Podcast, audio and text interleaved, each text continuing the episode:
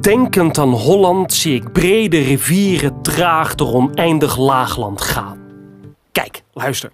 Prachtgedicht, echt. Herkenbaar ook, hè? laagland, dat is, dat is het hier. Oneindig laagland, precies. Ja, goed gedaan van die Hendrik Marsman. Maar waar ik mee zit, wat ik me afvraag is dit. Waar is de dijk in dit gedicht? Nou, ja, als je het mij vraagt, zou het zo moeten gaan. Denkend aan Holland zie ik brede dijken traag door oneindig laagland gaan. Ja, snap je? is beter. Prachtig. Meesterwerk. En dat is niet omdat ik nu toevallig een dijk ben.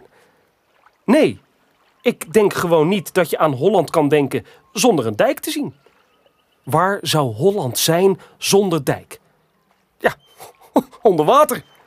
Daar is waar het zou zijn. Kijk, luister. Vroeger was dit moeras. Moeras, dat is eigenlijk land gemaakt uit kussens. Kussens volgezogen met water. Holland was geen laagland toen. Het kussenmoeras kwam zo'n twee meter boven de zeespiegel uit. Kun je je voorstellen?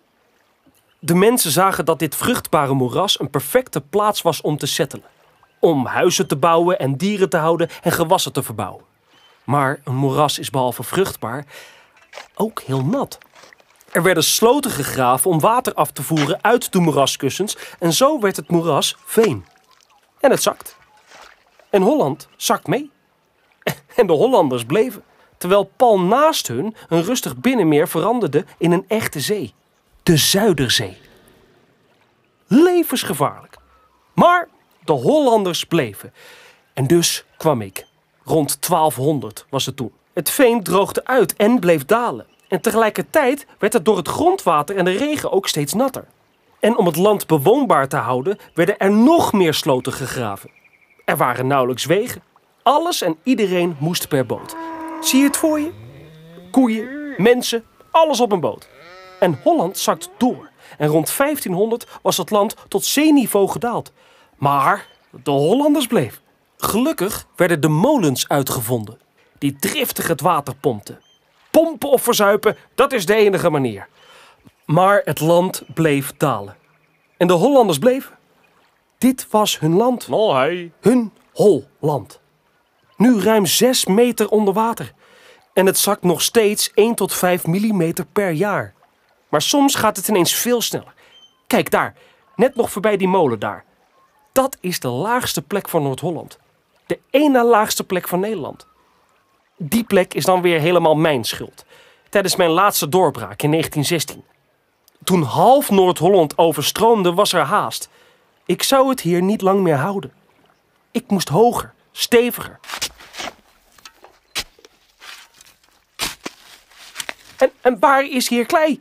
Juist diep in de grond. Het resultaat was die kleiput daar. 6,6 meter onder NAP. Dat is laag, hè? Dat is 10 meter onder mijn kruin. Moet je je gewoon eens voorstellen dat je een duik maakt in zee 6 meter diep. Nog iets verder. En dat dan daar pas je voordeur is. De hele wereld kijkt met grote ogen. Wa- waar wonen jullie? Onder de zeespiegel? De Hollanders halen hun schouders op en knikken. En ze gaan verder met leven. In hun dalende land, hun holle land. Hun land dat inmiddels eigenlijk een soort kom is geworden. En ik? Ik sta erbij, op de rand van de kom en ik kijk ernaar.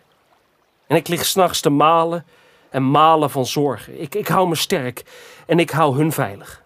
En ik zorg dat dit Holland Holland kan zijn. Denkend aan Holland zie ik brede dijken traag door oneindig laagland gaan. Rijen ondenkbare eilen populeren als hoge pluimen aan de einder staan. En in de geweldige ruimte verzonken, de boerderijen verspreid door het land, boomgroepen, dorpen, geknotte torens, kerken en olmen in een groots verband. De lucht hangt er laag en de zon wordt er langzaam in grijze, veelkleurige dampen gesmoord. En in alle gewesten wordt de stem van het water met zijn eeuwige rampen gevreesd en gehoord.